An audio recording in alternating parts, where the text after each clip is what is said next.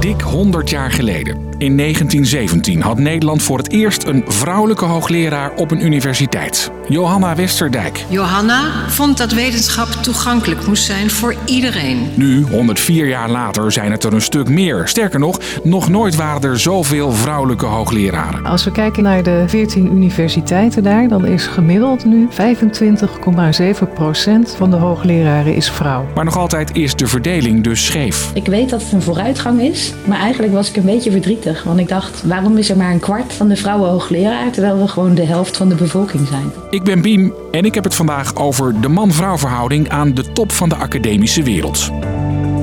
Lang verhaal kort. Een podcast van NOS op 3 en 3FM.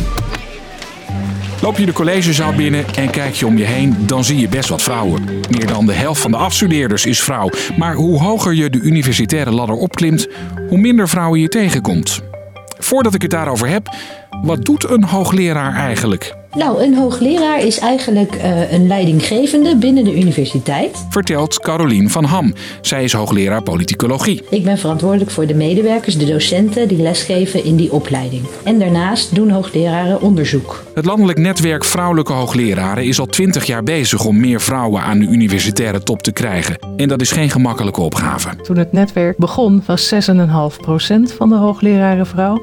En nu is dat ruim een kwart. Maar dat betekent dat we elk jaar maar 1 tot 2 procent meer krijgen. Vorig jaar hebben alle universiteiten in Nederland meer vrouwen aangenomen als hoogleraar. De Open Universiteit doet het op dit moment het best. Daar is dik 40 procent van de hoogleraren vrouw. In tegenstelling tot de TU Delft, daar is dat 18 procent. En hoe doet Nederland het eigenlijk vergeleken met de rest van Europa? Nou, niet zo best. We doen het eigenlijk nog uh, heel erg slecht. Van de 26 Europese Unielanden uh, die gegevens hebben aangeleverd, uh, we staan op plek 21. En dat is dus ergens onderaan. Dat heeft verschillende oorzaken. Eén daarvan is, volgens Odette Schadeborg, universitair hoofddocent op de TU Delft, dat er bewust en onbewust wordt gediscrimineerd. Men behandelt hetzelfde cv op een verschillende manier als het van door een man of door een vrouw geschreven is. En een vrouw wordt vaak lager ingeschat dan een man. Dus ondanks dat een cv even goed is, wordt een vrouw lager op de rangorde gezet dan een man. De rector, dus de hoogleraar der hoogleraren van de Technische Universiteit in Eindhoven, is het daarmee eens. Rationeel weten we wel dat uh, vrouwen en mannen gelijkwaardig zijn. En ook als ze gelijkwaardig zijn, dan hebben we toch nog bijna altijd een stukje automatisme dat we naar de mannelijke kandidaten toe gaan. Van gelijke vertegenwoordiging is in Nederland dus nog lang geen sprake. Maar waarom is dat eigenlijk zo belangrijk?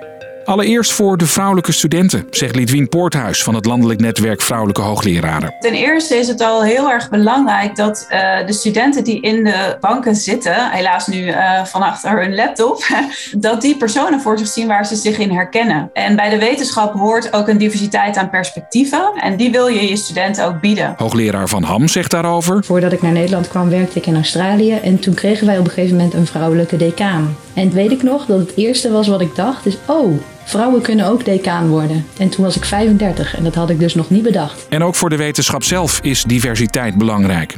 Vrouwen kiezen bijvoorbeeld voor ander onderzoek dan mannen, zegt het landelijk netwerk. Heel lang is geen aandacht geweest voor hart- en vaatziekten bij vrouwen. En dan kom je erachter dat bij vrouwen ziekten aan het hart toch wat anders werken dan bij mannen.